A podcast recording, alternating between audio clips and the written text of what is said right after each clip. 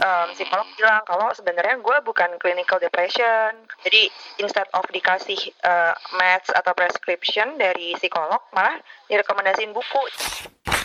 We are worthy of being loved not because of what we do well, but because we are precious living beings. mental health itu ternyata nggak sederhana yang kita kira gitu kan. Gue sendiri tertarik untuk membaca buku-buku ini karena gue pengen tahu gitu kenapa sih ada orang kayak gitu gitu kan ya. Ya minta maaf ini jujur aja ya. Aduh, apa lagi sih buku apa lagi ini? Ya wes, lang- langsung kita mulai lagi Bapak Toto. Gimana ya? Aduh. Eh, eh, ini kepo buku bu- harus belajar untuk jadi podcast yang proper dong. Oh, nggak ada, nggak ada kepo buku. Gue akan bikin po- po- podcast yang buat gue proper tapi tidak untuk kepo buku. Udah nggak jelas alurnya. Ya udah, udah, udah. jalan jalan. Gue buka ayo, dulu ya, gue buka dulu ya, gue buka Hmm, dulu. hmm. Lah apa nih tuh? sorry, sorry, sorry. Baru mau buka udah gue Gue kirain Toto bilang gue buka, dia terus pergi buka pintu. Ngaco dia bang nih. Ayo, ayo, ayo. Eh, ngapain? eh, sebentar gue lagi buka itu bagian dari pembukaan gue. Kenapa lo ketawa? Enggak, gue, gue kaget aja. ulang, ulang. Itu bagian dari Sorry, pembukaan gue. Lo harus cari. Ulang, ulang, ulang. Eh, gimana? Kan kata lo harus proper. Iya, iya, baiklah. Ngapain? Nungguin ya. Udah lama ya nggak dengerin kepo buku.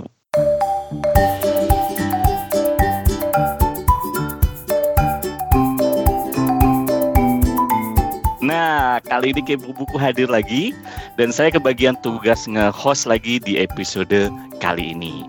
Seperti biasa, Kepo Buku adalah kepo terhadap buku-buku yang kita baca. Hostnya kita bertiga, ada saya Toto Eko yang ada di Singapura, juga ada Bapak Rani yang ada di Bangkok, juga Steven yang ada di Ambon. Tentu juga kita selalu semangat ngepoin buku-buku yang teman-teman lagi baca juga. Oke, nah episode kali ini kita juga tetap kedatangan bintang tamu eh, Mbak Hesti. Tapi sebelum saya ke Mbak Hesti, saya mau sapa dulu teman-teman saya yang biasa dari episode ke episode selalu ada.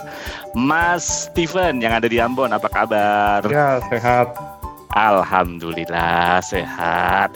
Bapak Rane yang ada di Bangkok Tentu selalu nyaman. sudah sehat? Udah, buset itu udah udah kapan tahu toh? Ya siapa tahu aja kan abis itu sakit lagi.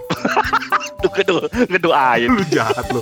Tapi tuh gila lo itu itu sakit gue yang paling Parah. parah dalam sejarah hidup gue karena gue belum pernah ngalamin sakit kayak gitu gitu loh. Hmm. Ternyata nyamuk Bangkok juga rese.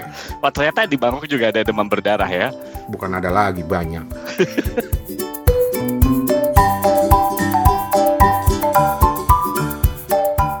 Oke, nah kita akan ngobrolin tema eh, ngobrolin ngobrolin tema khusus kali ini. Gua bakal ngasih kesempatan buat Hesti dulu untuk ngasih tahu buku apa yang saat ini sedang beliau baca. Ti, lu lagi baca buku apa, Ti? Um, baru selesai judulnya The Things You Can See Only When You Slow Down: How to Be Calm in a, Bu- in a Busy World. Cakep. Oh, ulang ulang ulang ulang ulang. Ini judulnya cakep nih kayaknya nih. The things Pelan-pelan Ti, lu ngomong sama orang tua Ti.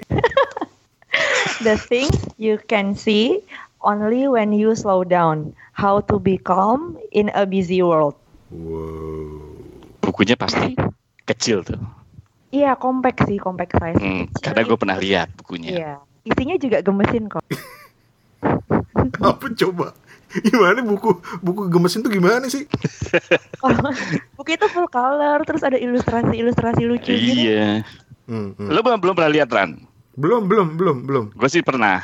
Bukunya compact gitu kan biasanya kalau kita lihat kan kayak paperback itu agak gede dikit ya. Ini tuh lebih Mm-mm. di- bisa dipegang di tangan gitu loh. Jadi enak aja kalau dibawa dan apa dibaca gitu. Udah gitu Hmm. pokoknya banyak gambarnya lah lucu. Oke. Apa yang menarik, Ti? Em, jadi kan ini gue ada prolognya sih, prolog kayak Hmm, semacam prolog. kesimpulannya. Jadi Mm-mm. eh, memang gue udah beberapa kali em, ngerasa I'm not feeling okay. Jadinya eh, ngecek ke profesional gitu. Dan jadi gue pergi ke Hmm. psikolog. Nah, ketika gue mengatakan keresahan gue sama ini kayak gimana, ada masalah apa, um, psikolog bilang kalau sebenarnya gue bukan clinical depression karena gue masih suka Mhm, buku, masih bikin kegiatan kayak gitu. mhm. Jadi instead of dikasih uh, meds atau prescription dari psikolog, malah direkomendasiin buku, ya itu tadi yang tadi gue sebut yang judulnya panjang banget. Oh, yang ada di Twitter lu itu ya? Iya betul sekali. Ah, terus terus terus. terus. Terus ya udah ternyata eh, cocok sama gue karena emang menurut psikolog gue ya itu di sebenarnya eh, pikiran gue tuh emang terlalu ruwet aja di kepala itu eh, dengan baca bukunya si Haimin Sunim Mhm. eh, minimal bisa ngebantu gue untuk lebih berpikir secara jernih tenang nggak usah buru-buru gitu karena Mhm. balik lagi sih kayak ya itu cuma ada di pikiran lu itu kan belum tentu kejadian kenapa harus Mhm. eh, terlalu mikirin nah semacam kayak itu dan ternyata gue cocok gue suka sama bukunya Oke. Jadi ini ini buku ini lu ambil karena memang tercetus atau ter apa ya tertrigger dari kondisi yang tadi lu bilang itu atau emang lu just ke toko buku terus kemudian ngelihat tadi ini kemudian lu ambil. Enggak, ya itu eh, si apa si psikolognya karena tahu juga gue emang suka baca masih suka baca buku jadi punya interest masih ngera- eh, ngelakuin hobi ya langsung Mm. direkomen. Oh, coba Ah, kamu oke. baca, coba kamu baca ini deh gitu. Oke. Ya udah gue balik dari psikolog langsung nyari ke toko buku dan dapat ya udah dan cocok. I see. Oke, Ran. Kalau lu terlalu slow dah ya Ran lah. Jadi harus baca di opposite itu. Gue malah justru harus eh, mempercepat. Tapi ti, gue gue penasaran. Jadi poin terpenting atau message terpenting yang ingin disampaikan dari buku itu apa sih ti sebenarnya? Ya sampai seorang dokter bisa merekomendasikan. Pasti ada yang menarik dari buku ini kan? Eh, kesimpulan besar yang bisa gue dapat adalah inner peace itu adalah sumber kebahagiaan kita. Kan eh, di usia-usia kayak gue gini, kayak ngelihat kok teman-teman gue udah punya pencapaian ABCD kayak gitu, sedangkan gue masih di sini-sini aja. Akhirnya itu kayak timbul jadi overthinking, jadi ngebandingin kayak gitu. Nah melalui bukunya si Haimin Sumin yang eh, ini, gue jadi kayak ngerasa oh ternyata bener dia itu ngajak buat eh, ngenikmatin apa ya the, the present moment gitu inner peace lo Hmm. tuh yang paling penting kalau sampai sesuatu itu bikin lo nggak sehat physically dan mentally ya berarti memang itu tidak baik ya. Kenapa harus dipaksakan? Mm, mm, mending kita hidupnya sehat terus bahagia dan itu memang dapatnya dari dalam diri bukan bukan dari hal-hal yang bisa kita beli dengan uang misal. Dia dia sih ngejelasin kayak gitu dan wah gue ngerasa wah iya sih cocok banget gitu. Dan yang paling penting juga yang dia yang ditulis sama penulis ini adalah soal hubungan menjaga hubungan kita dengan orang lain. Jadi dia bilang memaafkan itu bukan untuk si orang yang salah tapi untuk kita sendiri. Soalnya kalau kita nggak mau maafkan otomatis kita akan kepikiran terus dan bawaannya pingin balas dendam. Itu nggak sehat. Mm. jadi kita nggak let, let it go. Jadi eh, membiarkan emosi negatif itu terus bersarang di pikiran. Dengan memaafkan sebenarnya kita membuat tubuh kita sendiri eh, apa namanya mem- let the positive energy comes in. Dia nulisnya kayak gitu sih. Wow. Menarik, menarik, menarik. Gue masalah memaafkan ini gue juga inget dulu sebuah cerita. Gua- tapi gue lupa ya. Eh, jadi, jadi inget tapi lupa nggak lupa ini dari mana gitu. Tapi intinya gini bahwa bahwa dalam sebuah kelas gitu ya, si guru itu mengajarkan anak muridnya untuk membawa eh, kentang gitu kalau nggak salah gitu kan. Jadi bawalah sejumlah kentang sama dengan jumlah lu tidak memaafkan orang lain gitu, right? Jadi kalau lu benci sama orang atau marah sama orang, lu harus bawa kentang itu tiap hari ke sekolah gitu kan. Nah, ternyata pada saat hari pertama tugas itu diberikan gitu, kalau nggak salah gitu banyak yang bawa kentang tuh banyak gitu. Jadi mereka tuh berat gitu bawanya. Dan makin hari kentang itu lama-lama kan akan menjadi busuk segala macem ya. Hmm. Dan tapi guru itu insist gitu, lu nggak boleh ngebuang kentang itu kalau lu belum bisa memaafkan siapa pun yang yang terwakili dalam kentang-kentang itu gitu misalnya gitu kan. Hmm. Hmm. Nah akhirnya eh, itu ternyata melatih murid-muridnya untuk ya memaafkan gitu. Eh, Insight-nya adalah semakin lu nggak memaafkan orang, beban itu lu yang bawa sebenarnya, bukan orang yang tidak lu maafkan gitu.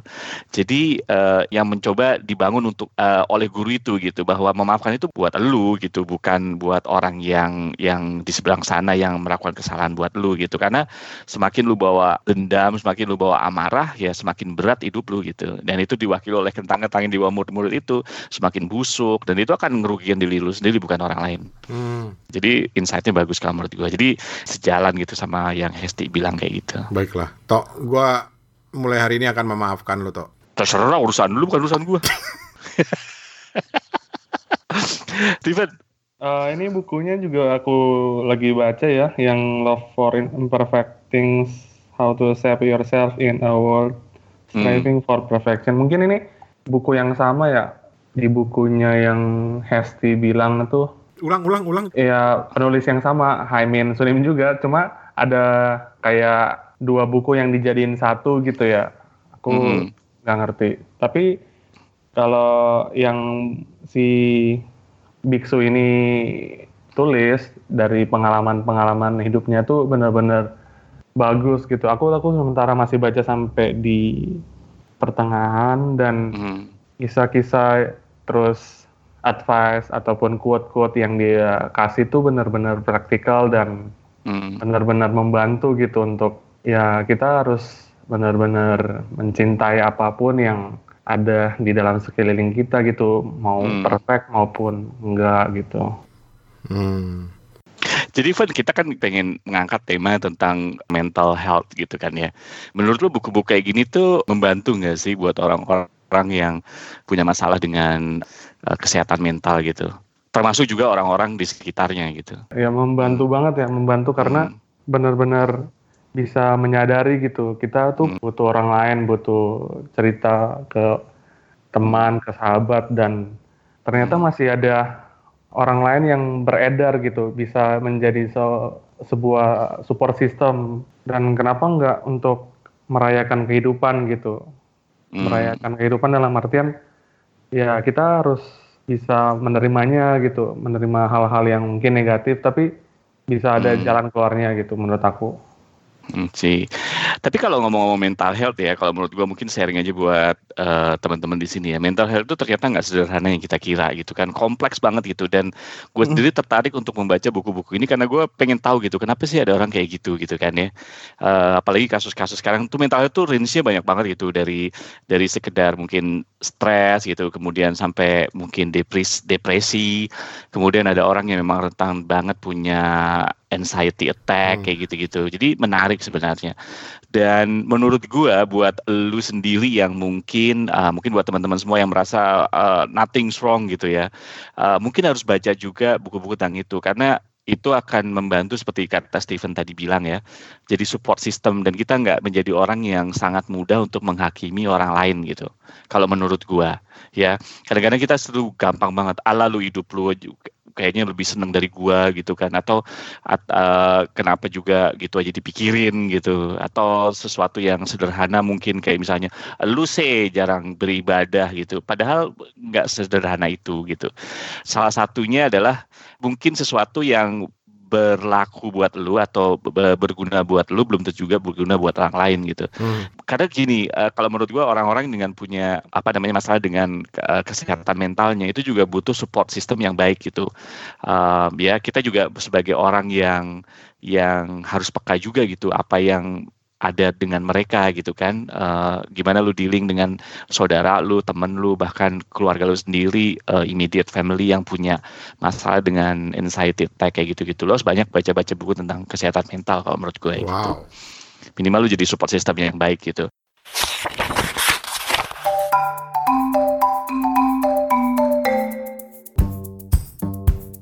ada buku yang menurut gua eh, bagus gitu ya. Bukunya waktu itu mungkin pernah gue sharing di salah satu episode gue lupa. Gue mungkin sebut sekilas. Itu bukunya Steve Allen sama Catherine eh, Devini. Ma, judulnya Mental Become Your Own Mental Health Expert. Bukan berarti akhirnya setelah baca buku lu jadi jadi jadi really, really uh, health expert ya tapi minimal lu jadi support system yang bagus gitu Dr. Stephen Allen ini sendiri psikiatris gitu, kemudian Catherine Devon ini komedian gitu. Dan setelah gue baca beberapa buku, gue baru sadar ternyata Steve Allen sendiri sebagai psikiater gitu ya, dia juga mengalami seperti itu Hmm. dan dia juga Hmm. mengalami kesulitan. Eh, gue kan psikiater ya, kalau gue konsultasi sama kolega gue gimana ya gitu ya gitu ya.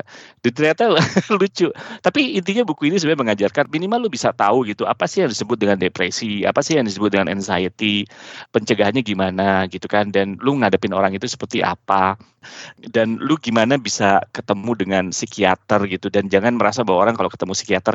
Mungkin tadi Hesti bilang ya, Hesti juga ke psikolog kan ya, Ti, ya. Mungkin di zaman-zaman beberapa tahun yang lalu gitu, kalau orang ke psikolog, ke psikiater, kesannya lu, sorry ya, kesannya lu Punya masalah banget gitu. punya masalah banget gitu ya dalam dalam dalam dalam bahasa sorry ya dalam bahasa kasarnya lu jadi orang gila ya. Nah, Nah itu kan yang jadi masalah. Ada padahal spektrumnya luas gitu dan sebelum terlambat. Nah, nah makanya buku ini adalah mengajarkan apa sih anxiety attack, apa sih depression itu gitu ya, apa sih eh, eh, suicidal eh, gimana ya attack kayak gitu-gitu kan, dan apa yang bisa lo lakukan gitu, eh, pengobatan alternatif apa yang bisa di bisa dilakukan kayak gitu-gitu. Menurut gue buku ini bagus banget sih untuk untuk lu baca kalau menurut gue.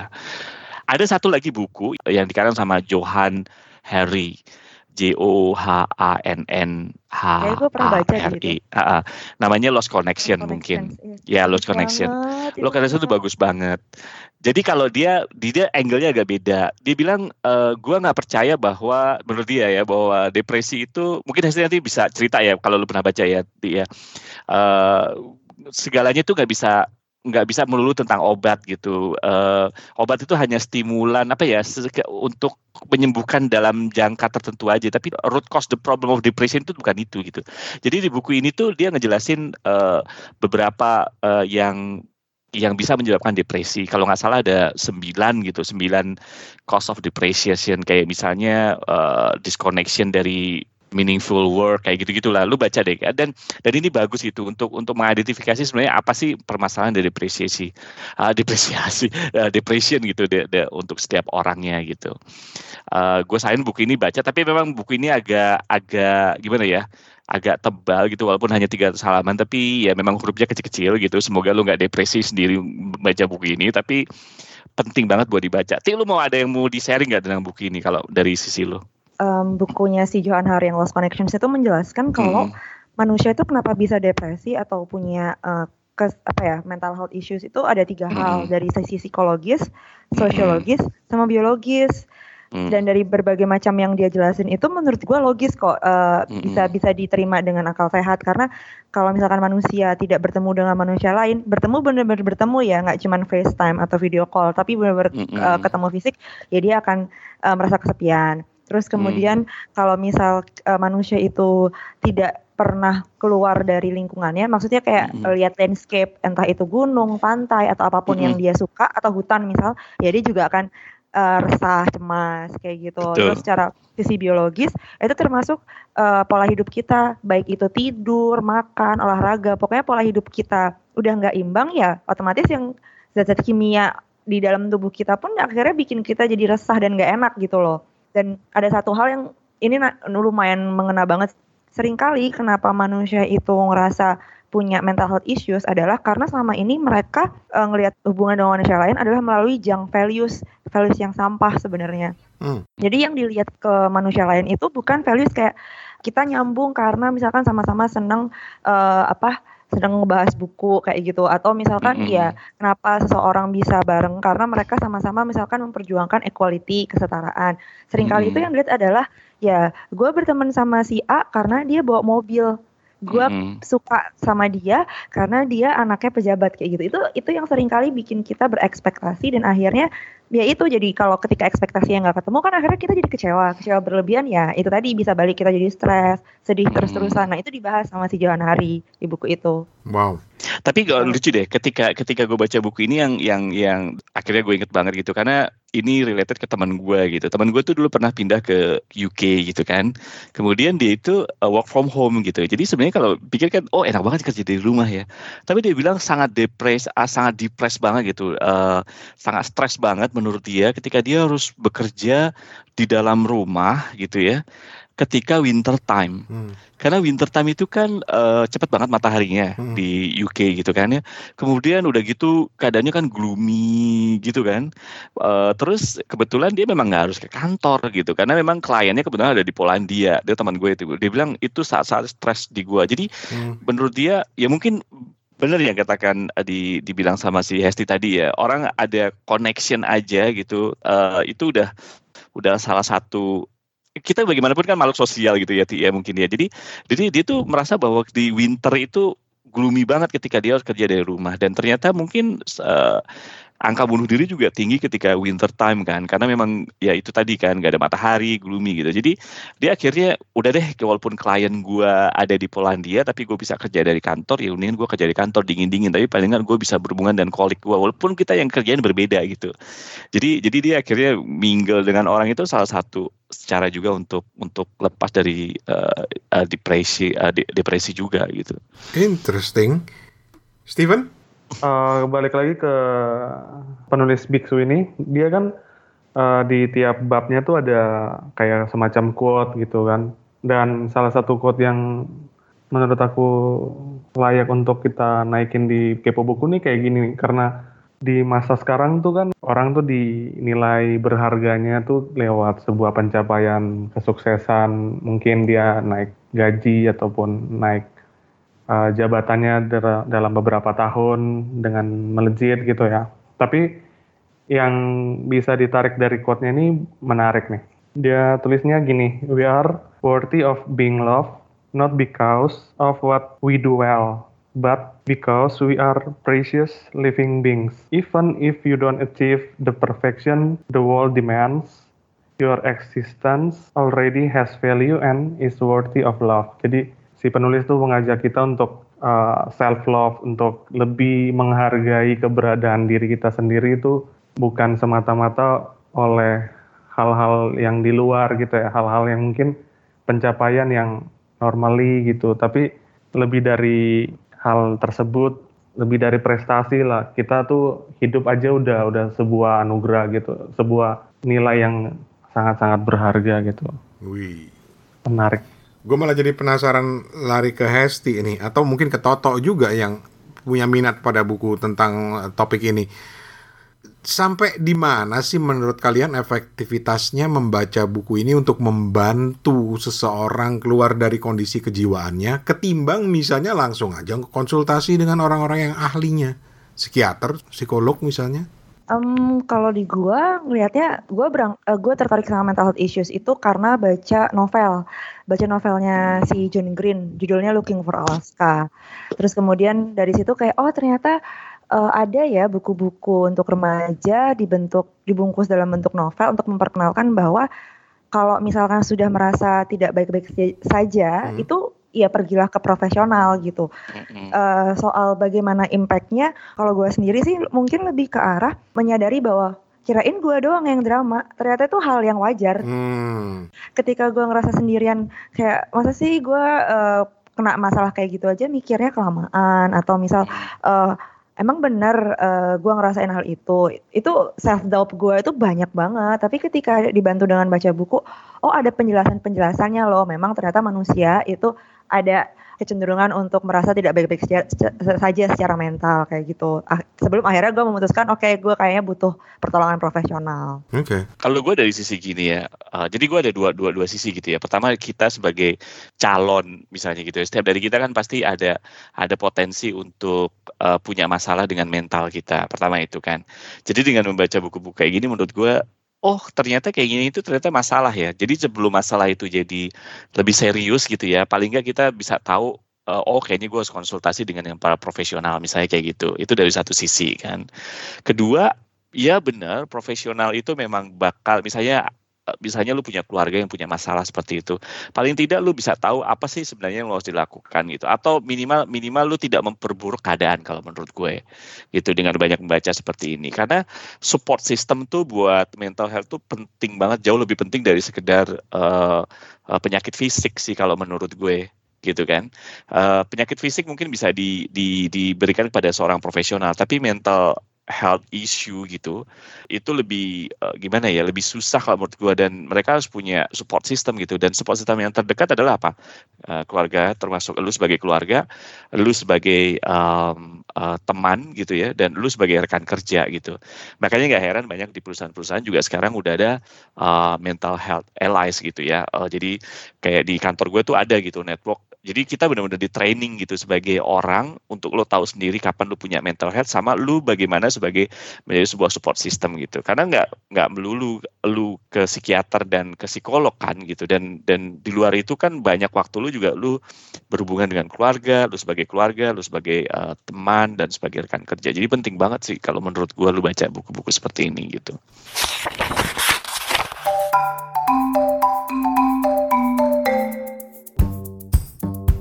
Sumpah lo ini topik kepo buku yang paling serius menurut gue tapi menarik.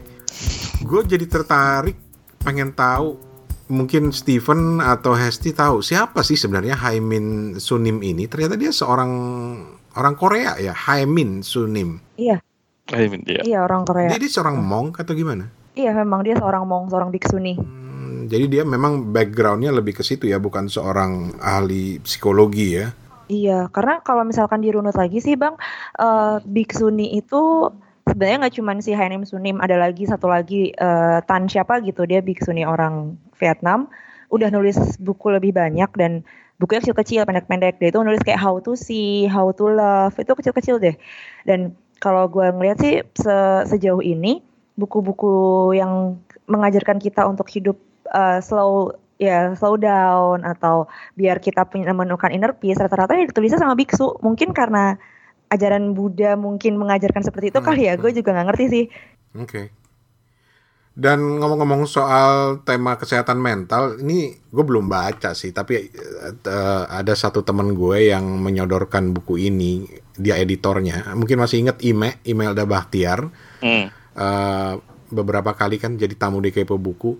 Dan dia me- baru aja kelar ngedit eh, dan nulis bareng Novarianti Yusuf. Novarianti Yusuf ini gua, gila ini orang macem-macem eh, kemampuannya dia eh, lulusan ilmu kesehatan masyarakat, psikiater, penulis fiksi, eh, anggota DPR pernah gitu. Tapi dia punya buku yang judulnya eh, Jelajah Jiwa Hapus Stigma. Autopsi psikologis bunuh diri dua pelukis.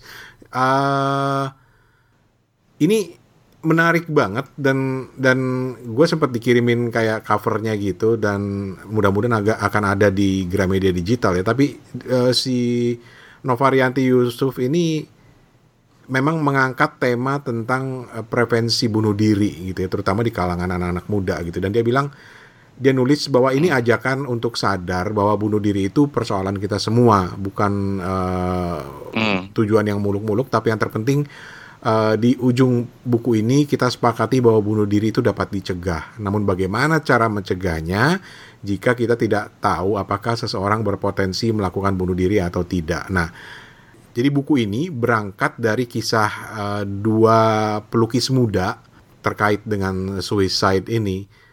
Satu rekomendasi yang mungkin bisa dicek lagi. Sekali lagi judulnya Jelajah Jiwa Hapus Stigma, Autopsi Psikologis Bunuh Diri Dua Pelukis. Oke, Serius ya kita ya hari ini ya? pasti gara-gara Steven. Eh, ngomong-ngomong ini ada satu buku lagi nih yang kayaknya bagus nih untuk eh, diketahui nih judulnya The Chim Paradox The, sorry? The Gym The Chim Paradox dari Steve Dr. Steve Peters The Mind Management Program to Help You Achieve Success, Confidence and Happiness. Ini psikolognya klub sepak bola gitu dan kayaknya ini lumayan bagus juga untuk kita bisa lebih berempati, bisa lebih eh, mengenal seorang dan orang yang lain gitu. Tim Paradox. Hmm. Mungkin udah pada pernah baca mungkin. Belum. belum belum pernah. Belum Ini pernah, udah diterjemahin juga oleh GPU. Hmm. Halo GPU. Halo, apa kabar? ini kode keras ya Ngasih kode keras melulu. Oke.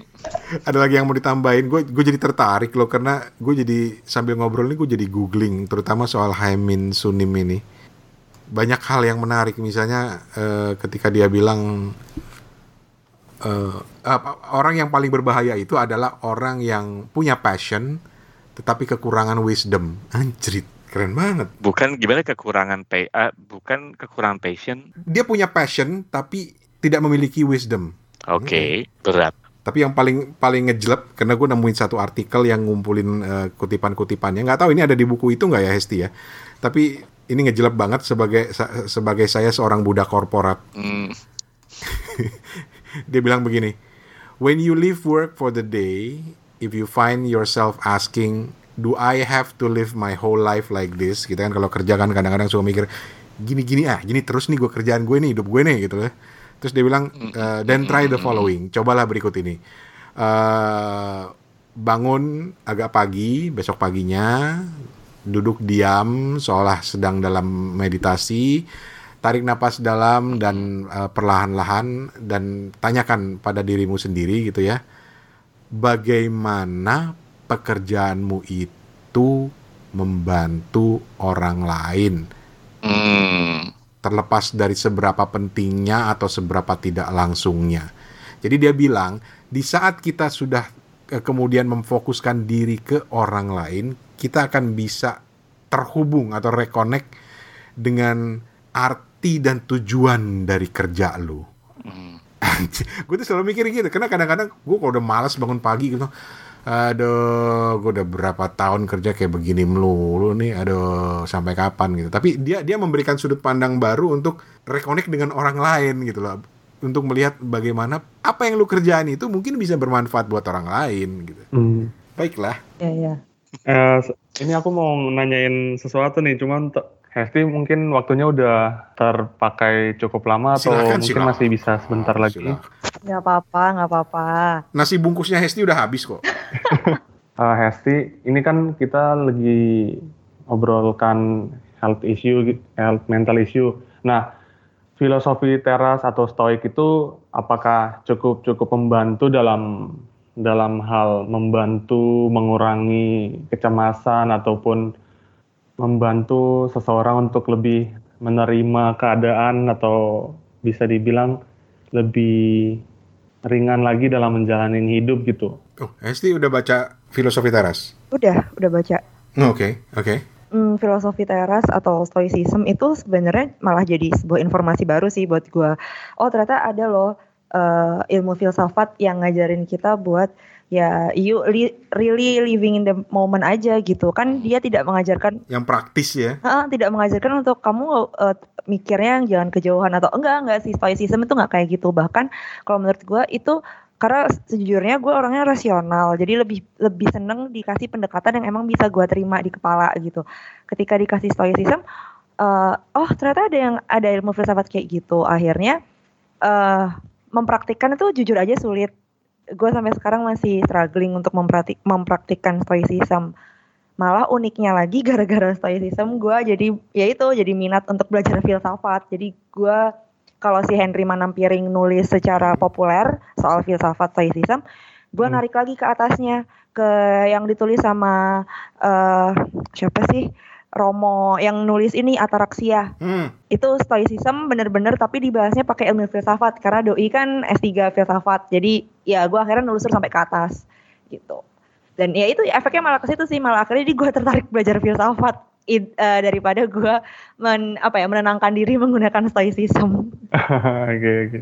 Dan itu merubah pola bacaan buku lu ya atau atau membuat tuh jadi punya minat pada bacaan-bacaan baru ya. Iya betul betul banget Baiklah. Tapi ya terkait eh, dengan eh, hobi membaca ya dan kesehatan mental walaupun secara tidak langsung tapi seperti yang gue pernah cerita di awal-awal episode tahun ini eh, tahun ini gue pengen lebih membaca untuk menikmati gitu loh untuk untuk kalau istilahnya Toto untuk rekreatif kali ya apa pun itu bukunya gitu mungkin mungkin dari situ bisa membuka Hmm. Pikiran gue untuk kepada buku-buku baru. Seperti ketika kalian ya minta maaf ini jujur aja ya. Ketika kalian bahas soal buku yang terkait soal eh, kesehatan jiwa gue tuh selalu aduh apa lagi sih buku apa lagi ini? Gitu. Tapi ter- kemudian ketika gue googling googling baca excerpt bukunya gue gue sampai download excerptnya nih di Kindle gue bilang menarik juga ternyata ya gitu. Jadi ya mungkin ini akan masuk dalam daftar buku gue untuk bisa dinikmati mudah-mudahan gitu Pak Toto Oke. Terus ke depannya gimana nih eh, baca barang di Surabayanya nih mungkin asik.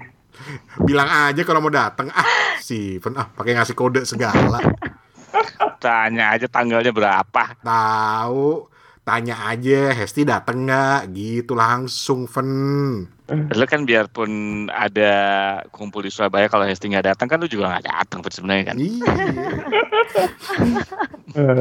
Jujur banget. Mm-mm. Iya, baca bareng Surabaya kan sebenarnya aduh, ini sekalian pengumuman sih. Gua Sip. em, jadi gue memutuskan untuk recovery karena gue belum sembuh betul dari Hmm. eh, apa mental health gue yang belakangan ini. Jadi gue recovery, gue berhenti dari pekerjaan dan pulang ke Surabaya. serius Ya gue nggak di Jakarta. Oh bukan di Jakarta. Oh, Oke.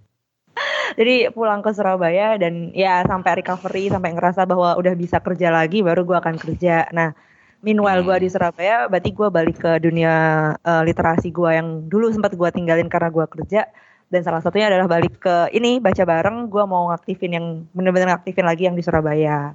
dan kalau kalian pengen tahu apa itu baca bareng coba cari episode-episode belakangnya eh, sebelum ini. Kita ada ngobrol khusus tentang baca bareng bareng Hesti. Ja. Steven? Steven? Steven? Steven? Ini kayaknya lagi langsung mesen tiket nih Steven nih. Steven? Fen iya nih nih langsung Enggak, enggak, kayaknya. enggak. Eh, gue boleh nambahin nggak? Tadi mau ngerespon Bang Rane sih soal baca untuk Ah. apa rekreatif ya. Jadi Mm-mm. yang gue gua kan selalu ngomong di Twitter sama Instagram gue sih, walaupun gue sendiri punya target baca, tiap kali itu ada orang yang reply, kok bisa sih kak baca segitu dalam setahun, gimana cara ngatur waktunya? Mm-mm. Eh, Kalau gue balik lagi sih, membaca itu jangan sampai jadi beban, membaca itu harus dinikmati kegiatan membacanya, nggak peduli orang lain punya eh, strategi kayak gimana dia ngatur waktu atau dia punya eh, apa berapa banyak buku yang harus dibaca dalam satu tahun. Tapi kalau kitanya sendiri nggak ngerasa enjoy, nggak ngerasa nyaman atau menikmati ya buat apa gitu? What's the point of reading then?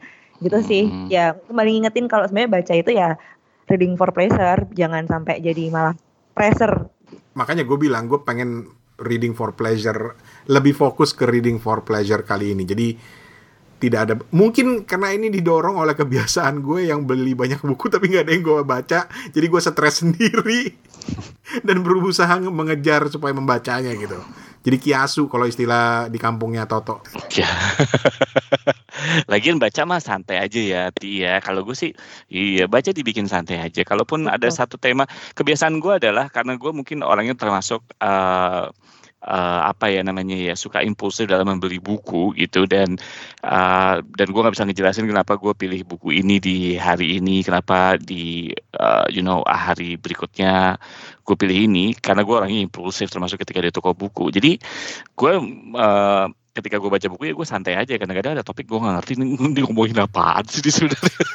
Ada banyak buku yang gue ambil ngomongin apa sih gue gak mudeng gitu kan. Tapi ya udah ya, gue sih gue nggak menganggap itu sebagai stres ya gue bilang oh ternyata banyak hal di luar sana yang menurut gue banyak yang gue nggak ngerti dan itu hmm. oke-oke aja buat gue gitu. Kalau gue sih orangnya kayak gitu. Gitu. Dan eh, satu hal lagi Van buat lu ya eh, dari Ambon ke Surabaya itu ada penerbangan satu kali setiap hari Van Iya. Penting. gue udah cek ini setiap jam 6 sore oh jam 6 sore Mm, Oke, mm, baik. bisa bisa